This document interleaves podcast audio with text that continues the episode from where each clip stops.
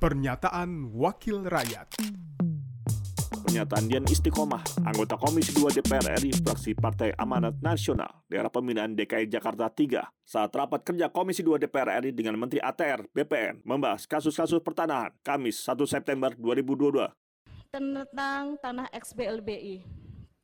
Mungkin ada yang luput dari perhatian pemerintah tentang tanah ini.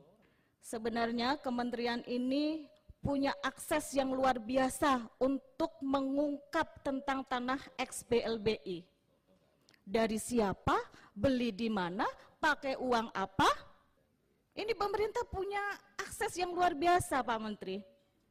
Nanti ketika saya sebutkan A, B, C, buka aja di data. Benar nggak itu? Pasti akan keluar.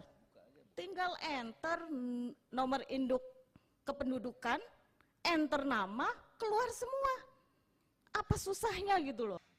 Jadi sesuai seragam yang baru, sesuai dengan tongkat yang dipegang, saya berharap tongkat ini memang benar-benar berguna, bermanfaat. Kalau memang suatu saat saya butuh tongkatnya, saya, saya boleh pinjam ya Pak ya. Karena saya setiap hari turun ke masyarakat. Pernyataan Dian Istiqomah, anggota Komisi 2 DPR RI, fraksi Partai Amanat Nasional, daerah pemilihan DKI Jakarta 3, produksi TV dan radio Parlemen, Biro Pemberitaan Parlemen, Sekjen DPR RI. Pernyataan Wakil Rakyat